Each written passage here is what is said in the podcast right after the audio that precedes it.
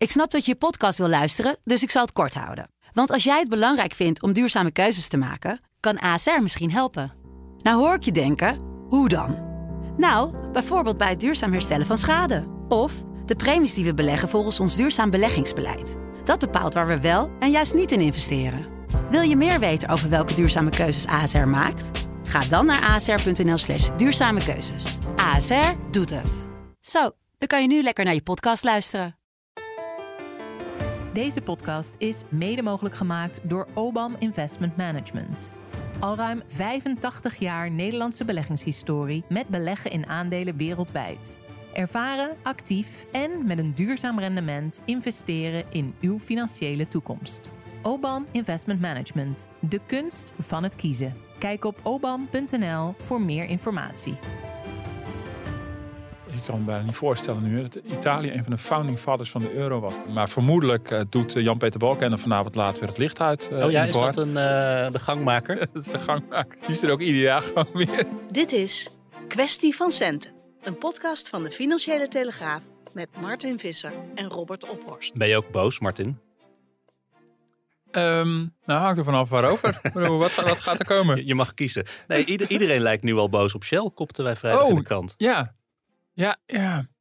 Ja, ik heb er toch ook een ongemakkelijk gevoel bij. Maar tegelijkertijd gewoon economisch kan ik het allemaal prima beredeneren. Ik hoorde vanmorgen ook nog een eh, expert op de radio uitleggen. Dat vond ik ook wel grappig gezegd. Ja, dit is Shell ook maar overkomen. Ja, uh, ja. Nou, dan werd het een beetje een soort, soort willoos slachtoffer. En, en, voor wie het gemist heeft, ze hebben dus een, een, een recordwinst van 42 miljard dollar uh, geboekt over 2022. Dus dat is ook maar overkomen. Ja, precies. Ja, dat vond ik wel grappig gezegd. En dat het kan tot het hele perspectief.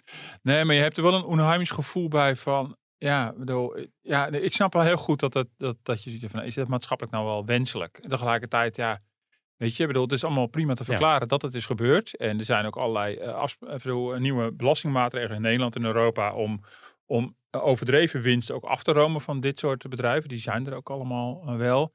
Ja, ik vind het vooral het punt eigenlijk nog niet eens zozeer de winst als zodanig, maar de keuze om het, iets van 4 miljard daarvan ook weer terug te geven aan de aandeelhouders. Zo van ja, we hebben zoveel winst, we weten van gekkigheid niet wat we ermee moeten.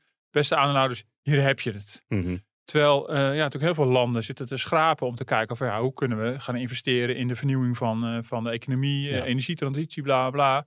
Uh, wordt die gewoon geld teruggegeven aan aandeelhouders. En dat steekt natuurlijk wel een beetje. Maar moet je dan echt boos zijn op zelf? Moet je niet gewoon boos zijn op uh, Vladimir Poetin omdat hij Oekraïne is binnengevallen? En vervolgens op de Tweede Kamerleden en politici die nu boos zijn, maar ondertussen jarenlang een energiebeleid hebben gevoerd, waardoor we nu in de, in de stang zitten. Zeker, zeker. Nee, dat, dat laatste natuurlijk ook. En, uh, ja, en verder ook, ja, weet je, we hebben natuurlijk belangrijk, dit, dit, dit zijn dingen die gewoon aan de markt hebben overgegeven. En dit is ook hoe de markt werkt. Ja. Maar het zet natuurlijk ook wel weer de discussie op scherp over de maatschappelijke uh, betekenis van bedrijven. Bedrijven die allemaal heel braaf roepen van ja, wij willen ook bijdragen aan, aan maatschappelijke ontwikkelingen. Um, uh, ja, en dan is natuurlijk wel de vraag, ja, maar nemen deze bedrijven met deze omvang, met zoveel geld, ook de beslissingen die in het algemeen belang zijn? Ja, ja dat je daar als politiek wat, wat lastig bij voelt, dat begrijp ik op, zich, op zichzelf ook ik wel Ik vond het trouwens wel, Jette zei dan in de Kamer dat hij stel achterover is geslagen van de hoogte van de winst, maar dan denk ik ook, daar geloof ik niks van, want dan heb je niet op zitten letten. Want afgelopen zomer uh, meldde Shell al een winst van 11,2 miljard over het tweede kwartaal. Ja, dus. ja, maar wat heb jij dan? Heb jij, wat vind jij ervan? Um, nou ja, ik, uh, nee, ik vond het toch, uh, ik, ik, ik, vond het een beetje, ik vind sowieso die, die ja, je noemt het, het werd dan een megalomane winsten genoemd mm -hmm. en zo, een overwinst. Daar heb ik al een beetje ongemakkelijk gevoel bij. En als politici dan gaan bepalen welke winst niet ja. gewenst is en hoeveel daar dan van afgeroomd moet worden en wanneer, terwijl ze ja, wat ik zeg, tegelijkertijd een, een politiek hebben gevoerd die ons ook deels uh, in deze situatie heeft doen belanden. Ja, dat, daar krijg ik een ongemakkelijk Ja, dat snap, ik, dat snap ik ook weer. Maar en ik dat moest wel aandeelhouders af en toe veel geld verdienen, ja. Ja, nee, maar dat, ik, ik, ik, had toch ook wel, uh, onlangs was Jeroen van der Veer, die hadden we in de krant, hè, de voormalig Shell-topman, uh, weer, alweer voor Ben van Beuren, dus de, de voorganger van de voorganger.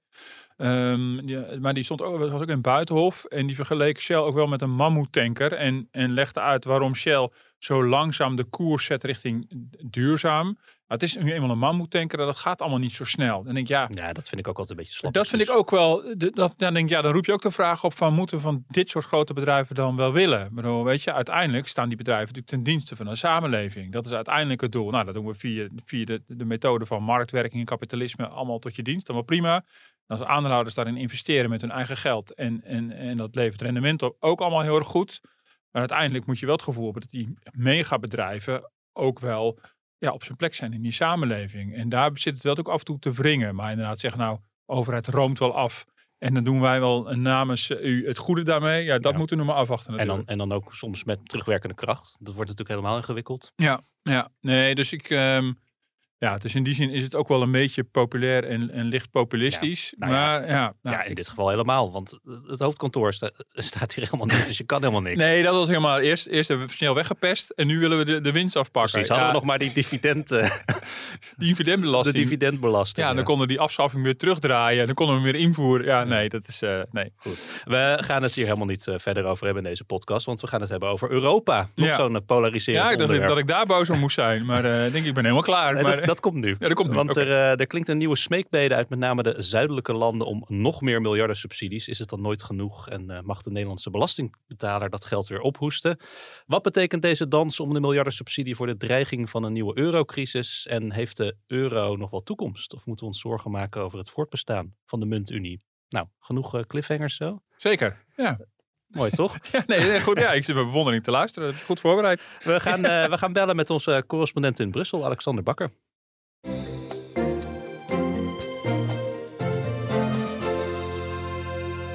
Alexander, goeiedag. Goedemiddag. We gaan eh, heel even naar een eh, fragmentje luisteren. Op tafel ligt een voorstel voor een nieuw Europees miljardenfonds om bedrijven groene subsidies te geven. Net zoals in de Verenigde Staten gaat gebeuren. Maar Rutte is tegen een nieuw miljardenfonds, want dat kost Nederland geld. De discussie tussen Rutte en Kaag loopt uit de hand. Al langer klagen ondernemers over het kabinetsbeleid. Grote bedrijven dreigen te vertrekken. En dat verwijt Rutte Kaag. De premier had... Een woedeuitbarsting. Tijdens de woedeaanval zou Rutte zelfs gezegd hebben dat Kaag erin kan zakken. Of iets soortgelijks. Kaag loopt weg. Maar komt terug als Rutte uitgebreid zijn excuses aanbiedt. Ruzie dus om eh, plannen uit Brussel, dat, eh, dat gebeurt nooit. Waar gaat het nou precies om, Alexander? Nou ja, eh, de ruzie eh, gaat vermoedelijk over maar één klein deel eh, van de hele uitgebreide en complexe discussie die nu in Brussel is om de industrie in Europa te houden. Ehm, en ja, eh, dat eh, eh, deel, als je het hebt over hulp, dan kom je in Brussel natuurlijk altijd weer automatisch op het terrein van de centen. En dan zie je dat er in Zuid-Europa en Noord-Europa gedachten zijn over het optuigen van een nieuw fonds. Vooral om te zorgen eh, ja, dat die industrie nog sneller kan gaan vergroenen. Daar komen we zo meteen denk ik wel even op van waarom dat nodig is. Ja, bij een pot eh, eh, geldt ook dat iemand moet gaan betalen. En dan zegt Noord-Europa van nou ja, er is geld zat in Brussel. Dus kijk maar naar die bestaande potjes. Het is bijna traditie. Zuid-Europa die heeft natuurlijk over er moet nieuw geld komen. Bijvoorbeeld door een, een nieuwe ronde gezamenlijke schulden. Over hoeveel geld hebben we het? Ja, de, de bedragen die, eh, die verschillen. Er ligt nog geen eh, voorstel van, vanuit Brussel. Dus een exact bedrag weten we nog niet. Maar in het zuiden denken ze toch al snel aan eh, 300 tot 700 miljard euro. En in deze discussie, als we je op Den Haag betrekken, is dan blijkbaar Mark Rutte is Noord-Europa en Sigrid Kaag is dan Zuid-Europa. ja, zo zou je het mooi kunnen zeggen. Eh, maar ik denk dat die politiek in Den Haag wel iets anders uitgelegd eh, zal worden. Eh, daar zie je toch ehm, eh, dat D66 vindt dat Nederland zich op een andere manier moet opstellen in Brussel. Dat was. ja, deze discussie hebben we eerder gezien, hè, toen dat grote corona-herstelfonds werd opgetuigd. VVD en CDA zag je toen echt hard op de rem trappen. Die waren vol tegen die eh, gemeenschappelijke schulden. En D66 had zoiets, ja, omwille van de lieve vrede in Europa, Europese samenwerking. eh, van, nou, dat moet je niet uitsluiten. En misschien is het zelfs wel een goed idee. Nou werd die ruzie ook een beetje geframed, of die vermeende ruzie, eh, in, in, in de verkiezingstijd die, er, die eraan zit te komen met de Provinciale Statenverkiezingen. Martin, geloof jij nou dat het echt heeft geknetterd? Nou, dat geloof ik wel, ja. Zeker. Al was het maar omdat onze collega's hetzelfde verhaal ook vernomen hebben in Den Haag. We eh, luisteren net naar RTL Nieuws, dus eh, dat is natuurlijk niet verzonnen. Ik bedoel, eh, Kaag heeft vrijdag gezegd dat dit een beetje roddelpraat aan de dorpspomp was. En vervolgens las ik de andere quotes waarin ze dus niet het ontkenden, maar probeerde het heel klein te maken. Nee, dus ja, dit is, het is niet vreemd dat dit een knallende ruzie is, want zoals Alexander zegt, er is een enorme eh, wisseling gekomen in de manier waarop er gecommuniceerd wordt, eh, op zijn minst, en, ook stelling wordt genomen in Europa. door Wopke Hoekstra, voormalig minister van Financiën, die eerst onderdeel was van de zuinige vier.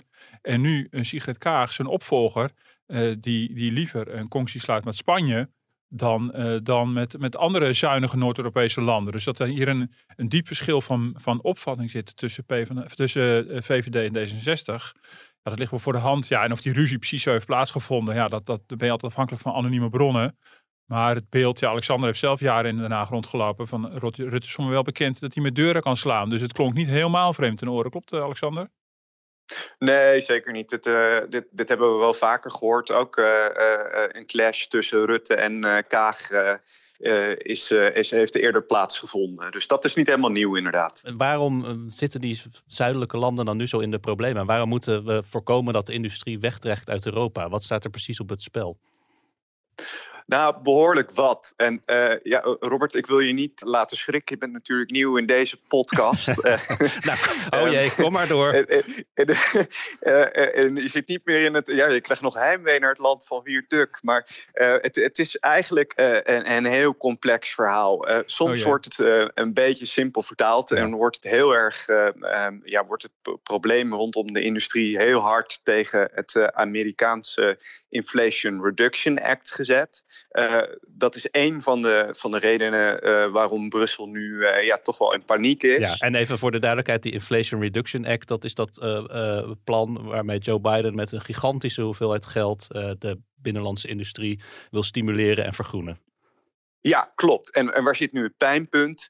Um, uh, wij hebben natuurlijk hier een, uh, interne markt met allemaal strenge staatssteunregels. En, uh, en we, we, houden ons ook altijd keurig aan die, de regels van de Wereldhandelsorganisatie. En de Amerikanen ja, hebben aan dat laatste maling. En die hebben nu een model opgericht met allemaal interessante belastingvoordelen.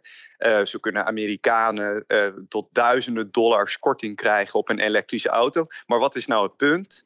Die korting krijg je alleen als die auto ook in de VS is gemaakt.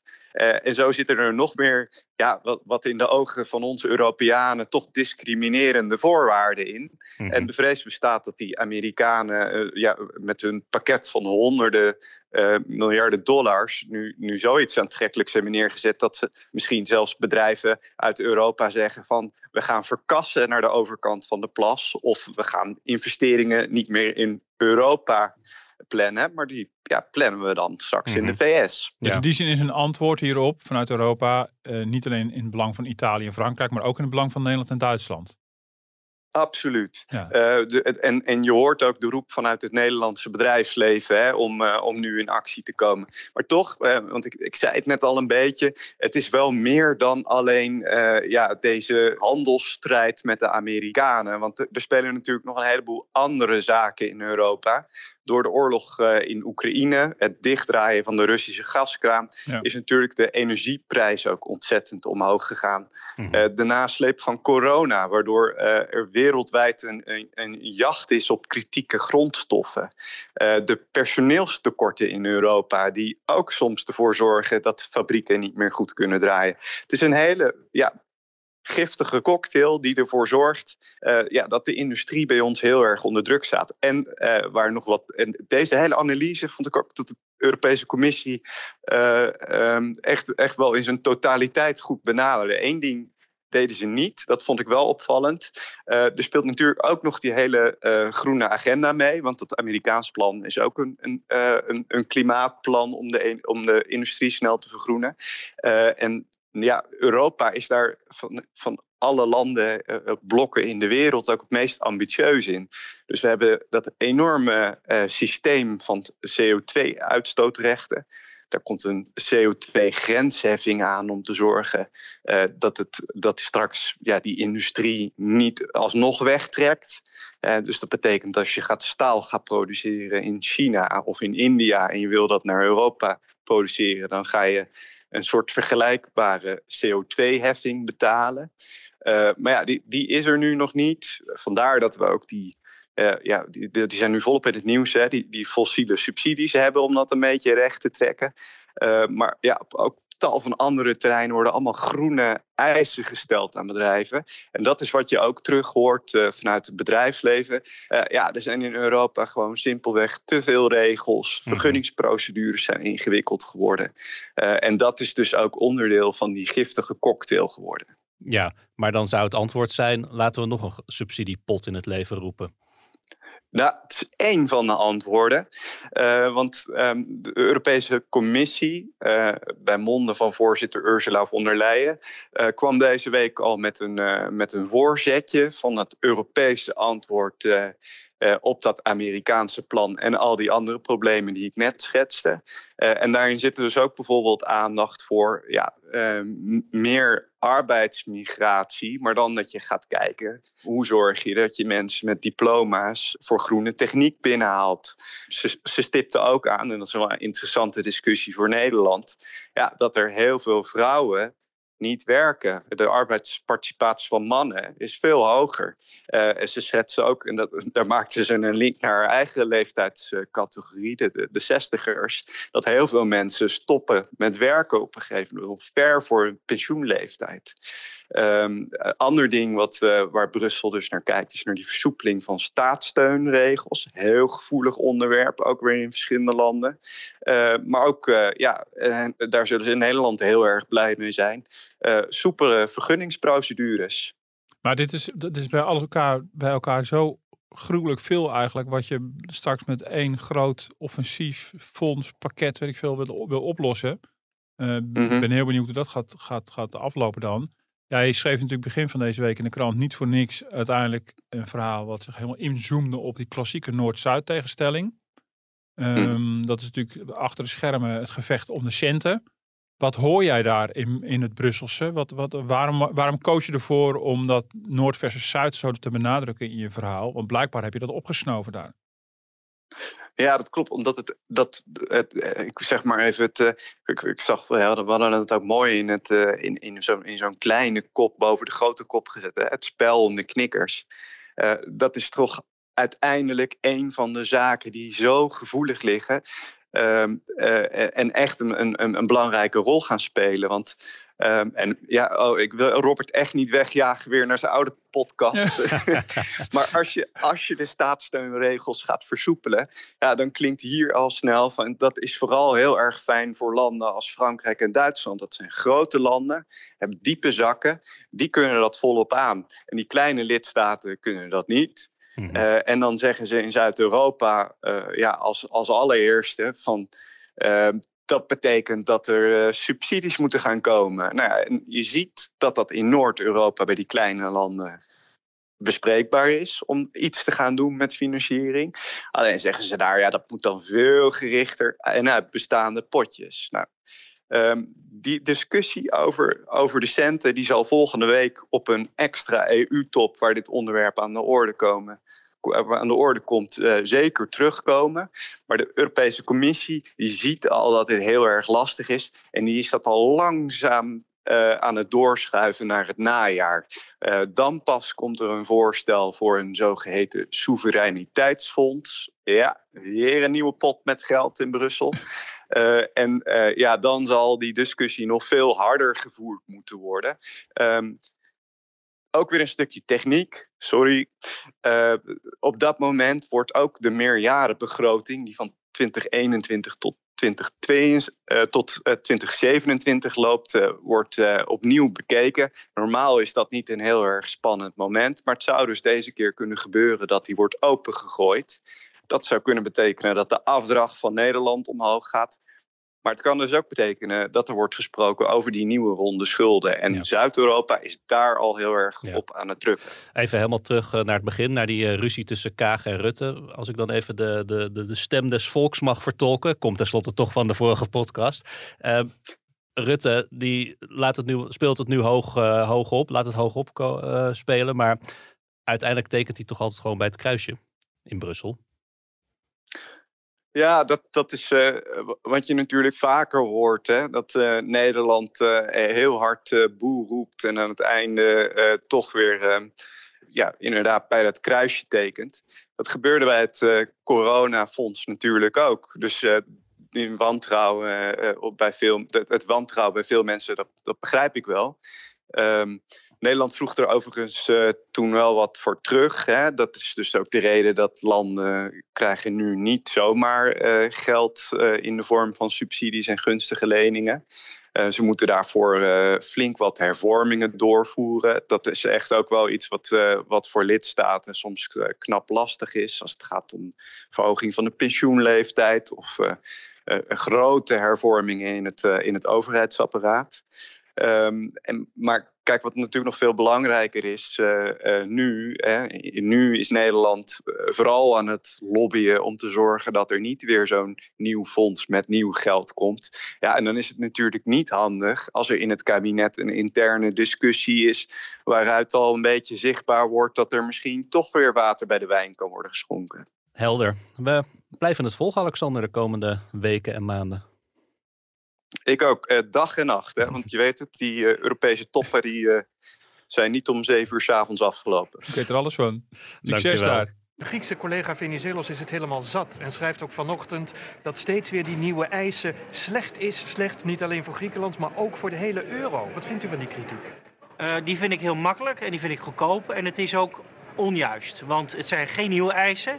Het is niet het Westen, eh, het West-Europa die heeft gezegd eh, van Griekenland ga maar verkiezingen houden in april. Wij hebben niet gezegd van, uh, dat je kunt ontsporen van het programma. Dat is allemaal in Griekenland zelf gebeurd. Dus het is ook heel duidelijk, heel logisch dat nu dit is gebeurd. En we ook in dat tweede programma een aantal eisen moeten stellen, moeten omkleden om ervoor te zorgen dat het tweede programma ook met ja, in ieder geval meer zekerheden is omgeven dan dat eerst het geval was. Ja, we gingen hier even terug naar 2012. Eh, Toenmalig minister van Financiën Jan Kees de Jager was dat over de miljardensteun voor Griekenland. Waarmee eh, destijds ter nauwernood werd voorkomen dat eh, het land failliet ging en het de hele eurozone zou meeslepen in zijn val. Ja. Jij zat toen in Brussel en Martin. Ja, ja, ja. Nee, Krijg je bij als je dit zo hoort? ja. het zit toch ik zit meteen weer uh, Venezuela of zo. Ja, die hebben we ook nog gehad. En uh, Papa Andreu en weet ik veel wie we allemaal hebben gehad. Maar uh, ja, inderdaad. Ja, dat was ook een stoomcursus uh, Griekse politiek, moet, moet, ik zeggen. Mm -hmm. Nee, dat was ook wel. Maar daar is het natuurlijk wel, daar is het wel begonnen. We, kan, we gaan hier niet voor niks deze even uitstap maken. daar is natuurlijk wel het eerste noodfonds uiteindelijk opgetuigd. En je ziet dat dat een soort trend in werking heeft heeft gezet. Maar dat was, ja, het was ook een spannend. Dus de herkenning van Alexander wel. Dat is natuurlijk allemaal avond- en nachtwerk. En dat was toen zeker ook zo, ja. Ja, maar hebben we de lessen van uh, die vorige eurocrisis dan wel voldoende geleerd? Nou ja, ja dat hangt een beetje vanaf. Um, ja, ik denk, ja, sommige mensen zullen zeggen dus in die zin van wel, van ja, uh, toen hebben we geleerd dat we gewoon ook op Europees niveau grote potten met geld kunnen aanleggen en daarmee elkaar uh, kunnen helpen. Um, ja, ik zit er zelf heel wat kritischer in.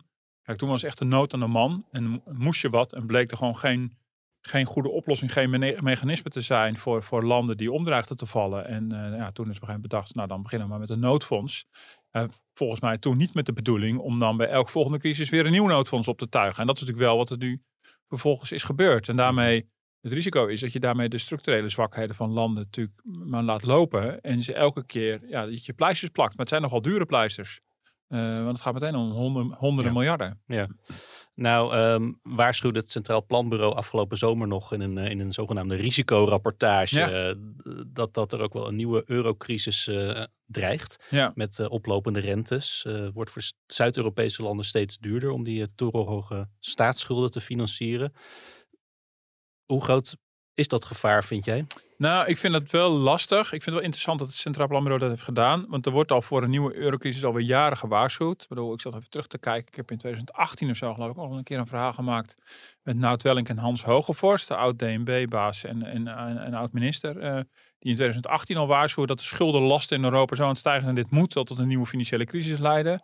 Uh, om de zoveel tijd komt dat voorbij. En dat betekent niet dat het niet waar is, maar het betekent ook dat het heel lang kan duren voordat het zover is. Mm -hmm. Maar nu zitten we wel in een nieuwe situatie dat uh, de rente in noodtempo omhoog gaat. Nou, we hebben deze week weer een nieuwe rentevergadering van de ECB gehad. De rente is weer verder verhoogd. En uh, ja, waar de rente van, van 0% en lager in de afgelopen jaren ja, schuldenlanden enorm hebben geholpen, gebeurt ook nu het omgekeerde dus in die zin uh, ja, kan dat best wel spannend worden. Behalve dus inderdaad als Brussel alles oplost met geld. Wat tot nu toe gebeurt. En dan kan je het blijkbaar heel lang mee uitzingen. Maar dat, dat, heeft, dat, dat verandert wel de zaak zo in het afgelopen jaar. Want voor Italië bijvoorbeeld gaat ook dat de rente gewoon in heel korte tijd flink veel hoger is geworden. Nou, het maakt Ja. ongeveer, denk ik uit mijn hoofd, bijna dezelfde beweging als onze hypotheekrente. Nou, dan weet je, moet je, dan weet je een beetje hoe het voelt voor een, eh, voor een gemiddelde Italiaan. Want zo voelt het ook voor een huizenkoper. Dus niet anderhalf procent, maar 4,5 procent. En die orde van grootte geldt het ook voor de, de rente die Italië betaalt over zijn, zijn staatsleningen. Dat gaat dus heel rap. Dat betekent als in de komende jaren ehm, eh, Italië we gaan met de oude staatslening moet aflossen en de nieuwe voor in de markt moet zetten, dat ze daarvoor een veel hoger percentage betalen dan ze daarvoor deden. Zo simpel is het. Dus dan loopt de rentelast eh, op eh, ehm, en heb je dus minder financiële armslag. Zo simpel is dat. Dus, eh, en als je niet eh, geïnvesteerd hebt in de, in de groeikracht van je economie, dan, eh, ja, dan zit je die, die schuldenlast mee te torsen bij een economie die de facto stilstaat. Ja, dan is het natuurlijk logisch vanuit het perspectief van, van, van die zuidelijke landen dat ze dan weer naar Brussel kijken. Want ja, de Europese Commissie kan met het vangnet van heel Europa achter zich tegen spotprijzen geld lenen op de markt. Ehm, en dat weer doorzetten, doorsluizen naar Zuid-Europa. Ja, dat is dus echt een uitkomst voor die landen. Ja, whatever it takes, hè, is de beroemde uitspraak van eh, toenmalige ECB-president Mario Draghi, Ja. waarmee hij toen in 2012 een, eh, een eurocrisis wist te bezweren. Is de huidige ECB-president Christine Lagarde net zo ferm in haar communicatie? Nou, nou, deze week in ieder geval niet. Het was, vrij rampzalig. Ehm, en zo'n moment is er ook niet echt meer geweest. Ehm, ehm, maar ja, Waarom was het rampzalig deze week? nou, het was heel, het was heel onduidelijk. Bedoel, eh, maar goed, dan, dan we een beetje in het hoofdstuk van de inflatiebestrijding terecht.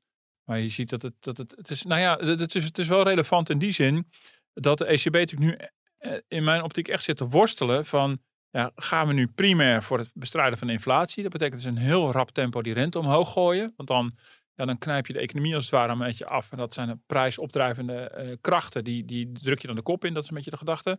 Ja, of hou je rekening met wat, wat dat betekent voor overheden, voor zuidelijke landen met name. Dat is mede de verklaring waar- waarom de ECB zo laat in actie kwam. Veel later dan een Amerikaanse centrale bank. En ik kan me voorstellen dat het ook wel tot heftige discussies binnen zo'n ECB-bestuur leidt. En ik zag wel analyses die, die, die, die zeiden van ja, de wat wispelturige of wat, wat, wat dubbelzinnige eh, persconferentie van mevrouw Lagarde. Van zijn ze nou fel tegen eh, inflatie of beginnen ze toch al langzamerhand te stoppen met rente eh, verhogen? Dat zou te maken kunnen hebben met de politieke krachten die ook in zo'n ECB-bestuur zitten. Want dat is wel relevant. Toen Mario Draghi dat zei uit mijn hoofd in juli 2012 in Londen in een speech, whatever it takes. Dat klonk natuurlijk allemaal heel ferm en hij was dan de redder van, van de eurozone. Maar het heeft ook in gang gezet dat de Europese Centrale Bank een soort politieke speler is geworden. Dat de ECB het als, als haar primaire taak heeft gezien om vooral die munt overeind te houden. En dan, ja, whatever it takes. Het doel heiligt de middelen. Het kan, het kan niet te gek of ze doen het gewoon. En dat is dus ook gebeurd. Dus voor een paar duizend miljard aan staatsschuld opgekocht. eh, waar de zu- zuidelijke landen hartstikke blij mee zijn. Maar daarmee is de ECB ook een soort speler in het geheel geworden. In plaats van dat ze faciliteert op de achtergrond en zich vooral met prijsstabiliteit bezighoudt. En daar, ja, Lagarde heeft daar de erfenis van en moet daar, moet daar eh, ook mee door. Ja. En eh, hoe schat jij het nou in, die, die benodigde hervormingen in landen als Italië en Ja. Spanje? Ja, die zijn wel heel noodzakelijk. En, het, en de hoop is steeds dat, en zeker in Italië, en de hoop is steeds dat het vorige fonds, het coronafonds, daarbij gaat helpen. Dat een soort hefboom is. Kijk, in, de eurotijd had je de eurocrisis en een euronoodfonds. En er waren er ook wel van hervormingsprogramma's. Nou, daar ging de quote van eh, Jan Kees over. Griekenland kon geld lenen, eh, maar moest dan wel zijn economie op orde brengen. Dat was echt een programma. Daar kwam het IMF naar binnen gereden. Nou, dat ging niet, echt niet zachtzinnig. Eh, dus dat, dat, dat gaf ook heel veel tumult in zo'n land. Ja, er zit, er zit, er steeds te zoeken van hoe kun je het verschaffen van geld koppelen aan, aan een soort ja, dwing, dwingende hervormingen. Ehm, maar ja, eh, het IMF die doet dat vrij ruzieloos. Maar de Europese Commissie is natuurlijk ook een politiek orgaan. Dus in de praktijk zie je natuurlijk heel vaak dat de Europese Commissie ook een beetje gaat zitten wielen en dealen met die landen. En eh, misschien wel heel ferm lijkt bij, bij tijd en wijle. Maar uiteindelijk het ook van belang vindt dat alle landen mee kunnen komen. Dus ik, ik waag te betwijfelen of dat corona-herstelfonds, zoals het is gaan heten. Ja, of dat in de praktijk echt helemaal die hefboom is om al die noodzakelijke vormingen van de grond te krijgen. Nou, bijvoorbeeld Frankrijk heeft natuurlijk nu heel veel protest binnenlands hè, over het verhogen van de pensioenleeftijd. Nou, dat is een leeftijd waar wij om moeten lachen. Zelfs de jongeren gaan naar de straat op, omdat ze, eh, omdat ze bang zijn dat ze eh, eh, heel veel later langer moeten werken. Terwijl ik denk, Ja. het gaat om hun pensioen die Want het van, blijft. het, het gaat van 62 naar... Ja, nog, nog niet eens naar 65, naar 64. En, eh, ehm, eh, en de gemiddelde pensioenleeftijd in Italië is ook veel lager. Dus wij zijn als Nederland ook veel, stap, veel meer stappen vooruit. Goed, dat doe je natuurlijk gewoon vooral voor jezelf. Ik bedoel, We doen niet alles voor elkaar. Maar ja, je hebt wel zoiets aan. In hoeverre lukt het Europa om dan dit soort hervormingen af te dwingen in andere landen? ja, die discussie gaat natuurlijk nu met het nieuwe fonds ook weer krijgen. Want dan heb je nou een euronoodfonds en een coronaherstelfonds. Dan krijg je dan, ja, wat is dit? Een energiecrisisfonds? Nou, we hebben Alexander gehoord. Voor mij wordt, willen, ze, willen ze alle economische problemen oplossen met een grote pot met geld. Ik help het je hopen dat dat lukt. Het, het gaat ervan uit dat Brussel, de Europese Commissie, in staat is op, op, vanaf centraal niveau helemaal mede te bepalen uh, wat een land wel en niet moet doen. Ja. Nou, dat is wel echt een heel vergaande rol. Nou, daar krijgen wij als Nederland ook mee te maken. De Europese Commissie die ook van alles nog wat vindt van onze economie. Dat is natuurlijk dan, uh, dan de keerzijde. Dus ik, ja, ik waag te betwijfelen of dat gaat werken. Nou ja, je hoorde Alexander ook al uh, zeggen dat ze eigenlijk door hun eigen regels worden tegengewerkt hier en daar. Ja, nee, zeker. Maar ehm, ja, dus in die zin, A, die regels zijn ook heel erg ingewikkeld. Um, um, en ja, het is, het is, het is, in de praktijk is gewoon gebleken dat, het, dat, die, dat die balans heel lastig is tussen het, het, het, financiële luchtgeven door, door geld die kant op te sturen en aan de andere kant alle eisen te stellen en een land daar ook echt aan te houden. Um, want ja, je had ook kunnen zeggen, ja, als Italië uh, de, de, de noodzakelijke hervorming van de economie niet meer kan betalen, of de ondersteuning van de eigen industrie niet kan betalen, of in coronatijd de coronasteun niet kan betalen, dan is het land dus de facto failliet. Ja, waarom zijn ze dan niet à la Griekenland in zo'n snoeihard IMF-programma gedouwd? Ja, dat willen ze natuurlijk niet. Dus ze verwachten natuurlijk dat ze uh, op deze manier minder hard worden afgerekend dan wanneer we ze al hadden aangepakt zoals we Griek, Griekenland en Cyprus hebben aangepakt. Want dat, vooral nou, met name Cyprus trouwens, dat was niets ontziend. Nou, en zo'n lot is Italië niet beschoren, want dat land is te groot. Het is een van de founding fathers van de euro. Dat is op mijn manier in Europa ook altijd van belang, dat je bij de grondleggers van die munt uh, dus hoort. speelt ook een soort, soort, soort emotioneel Ja, aspect speelt emotioneel uh, aspect speelt daar mee. En uh, het je kan me bijna niet voorstellen nu dat Italië een van de founding fathers van de euro was. Die zat er van mee te varen, kwam al bij. Maar goed, het nu denk je van, wat, wat doet dat land daar? Maar ja, het is gewoon een te grote economie en het is een te groot land. Dus die behandelen we toch echt wel anders dan, dan de dwerglanden als Griekenland en Cyprus. Nou, dat betekent dus al dat per definitie de scherpste randjes er altijd vanaf zullen worden. Meanwhile, experts say adopting the euro will help protect Croatia's economy at a time when inflation has been soaring globally since Russia's invasion of Ukraine. And it's hoped its entry into a borderless area will provide a boost to the tourism industry. It's an important milestone in the history of Croatia, the euro and the EU as a whole. Ja, Italië zat er vanaf het begin bij. Kroatië is nu ook uh, lid van de eurozone. Vanaf 1 januari kan je daar Ja. met euro's betalen. Ook veel klachten hoorden we gelijk weer in reportages over stijgende prijzen. Ja, ik moest ook gelijk weer even terugdenken aan uh, 2002, toen de euro in Nederland kwam. Ik Ja. zat toen nog uh, vol in mijn studententijd. Gingen we op vrijdag gingen we vaak naar een tent aan het Rembrandtplein. En daar kostte bier kostte daar 4 gulden. Ja. Nou, dat was toen in, in, voor, voor een armlastige student was het een godsvermogen. Ja, veel, ja. Maar eh, die, die tent stond altijd vol met eh, leuke meiden, dus dat hadden we er dan wel voor over. Maar na de invoering van de euro werd dat dan eh 2 euro. Oh ja, ja, ja. ja. En dat is toch wel een beetje, staat voor mij een beetje symbool voor met wat er met alle prijzen is gebeurd toen. Ja, met name in de horeca is dat gebeurd. dat, is wel, dat is wel onderzoek naar gedaan. Heel veel, eh, heel veel boosheid over prijsstijgingen eh, bleek toch niet helemaal te kloppen. Was ook psychologisch, maar met de horeca is het wel degelijk gebeurd. Dus daar waar je prijzen kan afronden.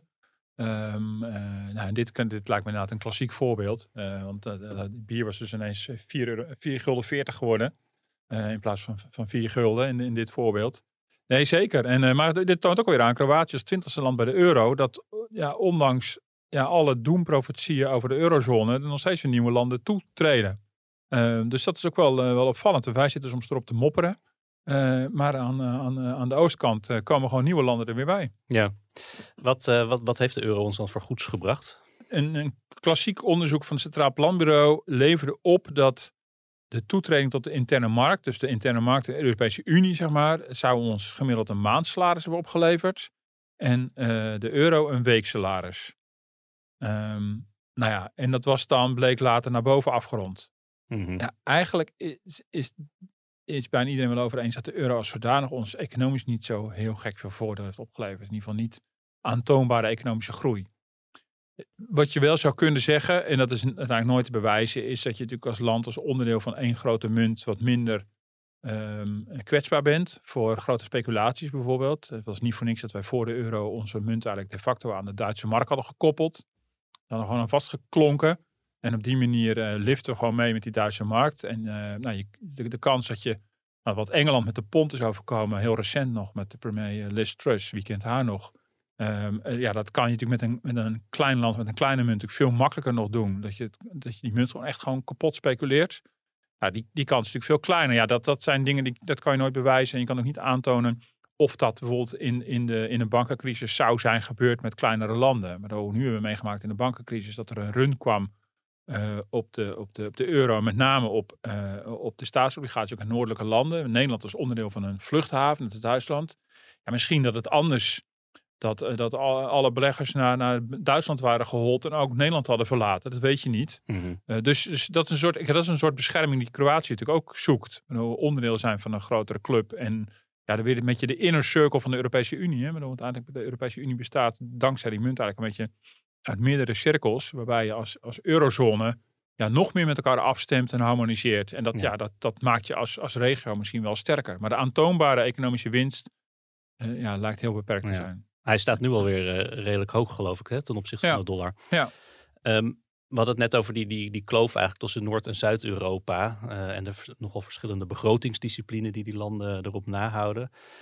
Is de kloof tussen landen als Nederland of Duitsland en enerzijds in Italië en Griekenland, anderzijds niet gewoon simpelweg te groot voor zo'n gezamenlijke munt? Ja, en ik denk het wel. Alleen ja, nu, nu is het helemaal gebeurd. Dus nu moet je het met elkaar zien te rooien. Maar nou, ehm, ehm, ja, ik zie eerlijk gezegd niet zo hoe, een land zonder kleerscheuren weer uit, uit de euro kan stappen. Er zijn wel mensen die vinden dat dat, dat, dat moet kunnen. Of dat je, dat je die optie open moet kunnen houden.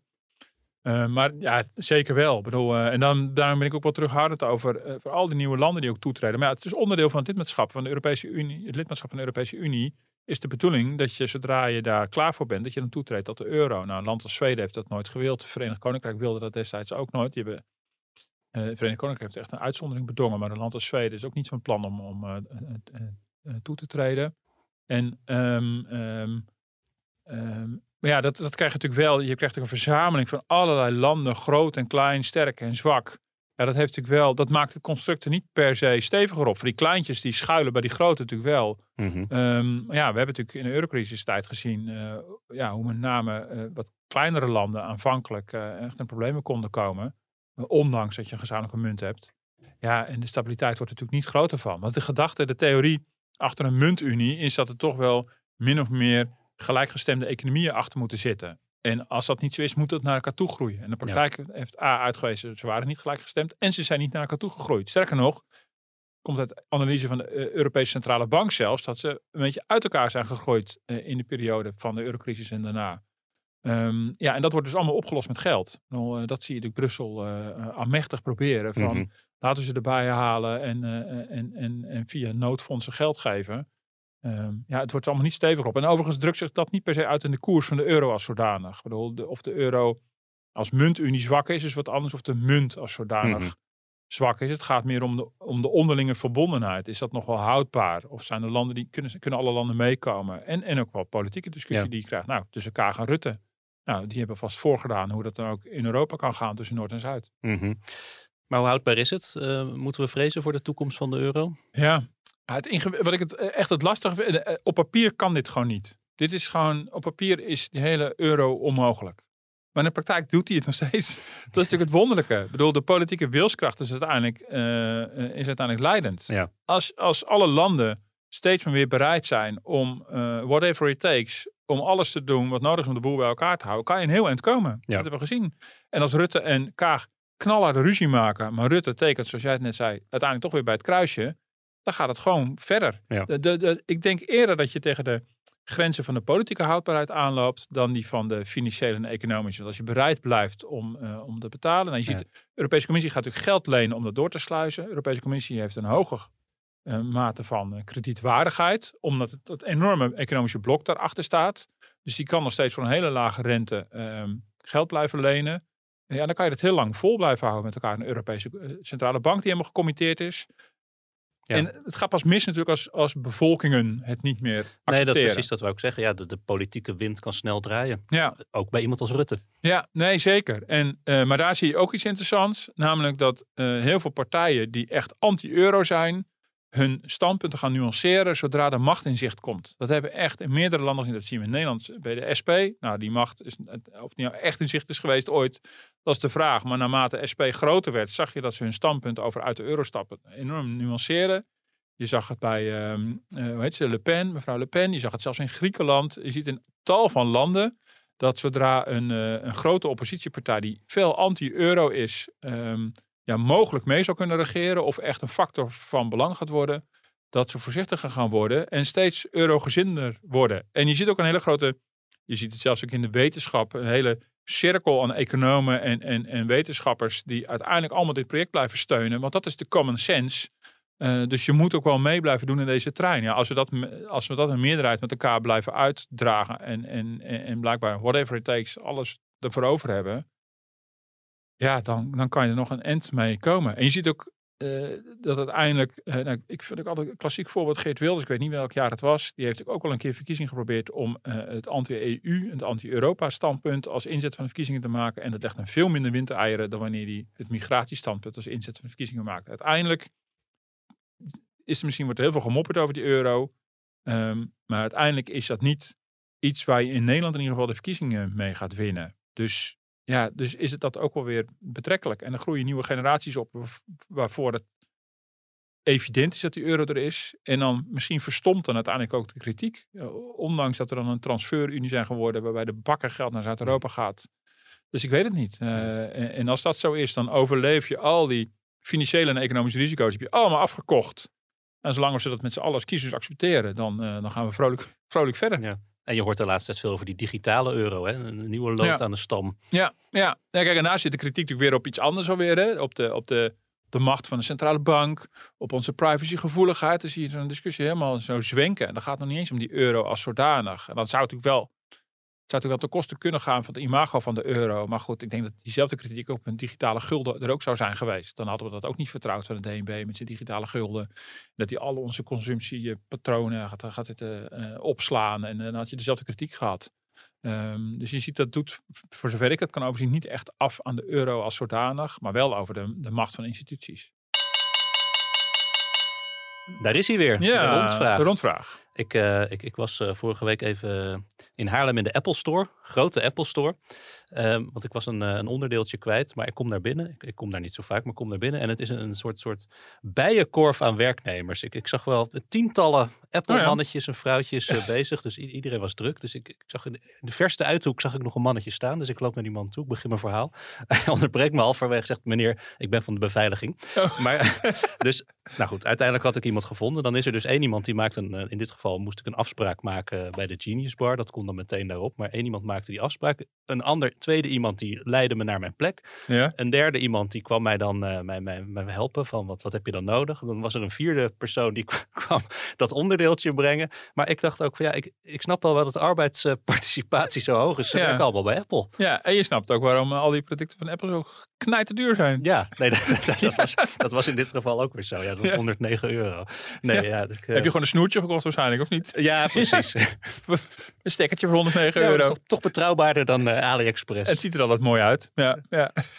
ja ik, uh, ik had voor de rondvraag nog even mijn uh, jaarlijkse uitje naar uh, Oosterbeek. Ik ga straks, reis straks af naar de Bilderberg-conferentie. dat klinkt bijna net zo spannend als het WEF. Ja, super geheimzinnig. Maar het is niet iets waar Prins Bernhard bij is. Dat kan natuurlijk ook niet meer. maar het is niet die Bilderberg, want dat, is, dat was echt allemaal super geheim. Dit is een jaarlijkse uh, toogdag van... Je bent wel van, gezakt in de pikorde, hè? Ja, dat je, ja. Dat je, vroeger stond je op het WEF en nu, nu sta je in de, nee. de nep Bilderberg Ja, nee, maar dan ga ik, dan ga ik ieder jaar ga ik daar naartoe. Voorheen combineer ik dat inderdaad. kwam ik net terug van het WEF en een week later mocht ik naar het Bilderberg. Dat voelde inderdaad een beetje gek. Maar dit is dus de toogdag van VNO-NCW. En het is inderdaad een soort mini-wefje. En uh, dat, dat klopt wel. Maar uh, uh, nou goed, dat is altijd, ik, ja, dat is, je, zult, je zult het niet in de krant kunnen lezen. Want het is allemaal Chatham House rules. Mm -hmm. Dus alles is off the record. maar vermoedelijk doet Jan-Peter Balkenende vanavond laat weer het licht uit in de bar. Uh, zoals, zoals, oh ja, is dat een, ieder jaar. De gangmaker? ja, dat is de gangmaker. Die is er ook ieder jaar gewoon weer. En, maar goed, voor mij een moment om nou, een beetje met de VNO-achterban bij te praten. Dus even kijken met welke thema's ja. het Nederlandse bedrijfsleven allemaal bezig nou is. ja, er speelt genoeg, toch? Kijken of ze ook boos zijn op de miljardenwinst van Shell. En denk het niet. Ben jij er dan bij als Balkenende die die lichtknop uitdoet? Nee, nee. Ik lig natuurlijk om half twaalf op bed, hè. Dus... Um, Nee, nee, nee. Het, het, is wel, het is wel veranderd. Maar goed, ik sla een hele zijpad in. Maar sinds ik 0.0 drink, uh, is het op een gegeven moment om een uur of 12, 1 is het echt, echt wel klaar. Vorig jaar was ik daar ook. Uh, en toen uh, stond ik, weet ik veel, nog stond ik daar nog een uur een van de verhaal aan te horen van, oh ja, Martin van Rooyen was dat, de 50-plus uh, man Senaat. En die zat met daar te oreren. Dat was inderdaad een uur of één s'nachts. En ik nou, voor mij had ik een uur geleden al gewoon lang op bed moeten liggen. Dus ik neem me voor om net voor dat moment inderdaad af te taaien. En je kan er overnachten en dan de volgende dag gaat het programma weer verder. Mooi. Want net als het WEF is het allemaal super geheimzinnig, maar is het gewoon een congres. Ja. ja. Ik wens je veel plezier. En, blijf allemaal mailen podcast.dft.nl. Duimpjes, sterretjes, we zijn er hartstikke blij mee. Martin, Zeker. dank je. Tot volgende week.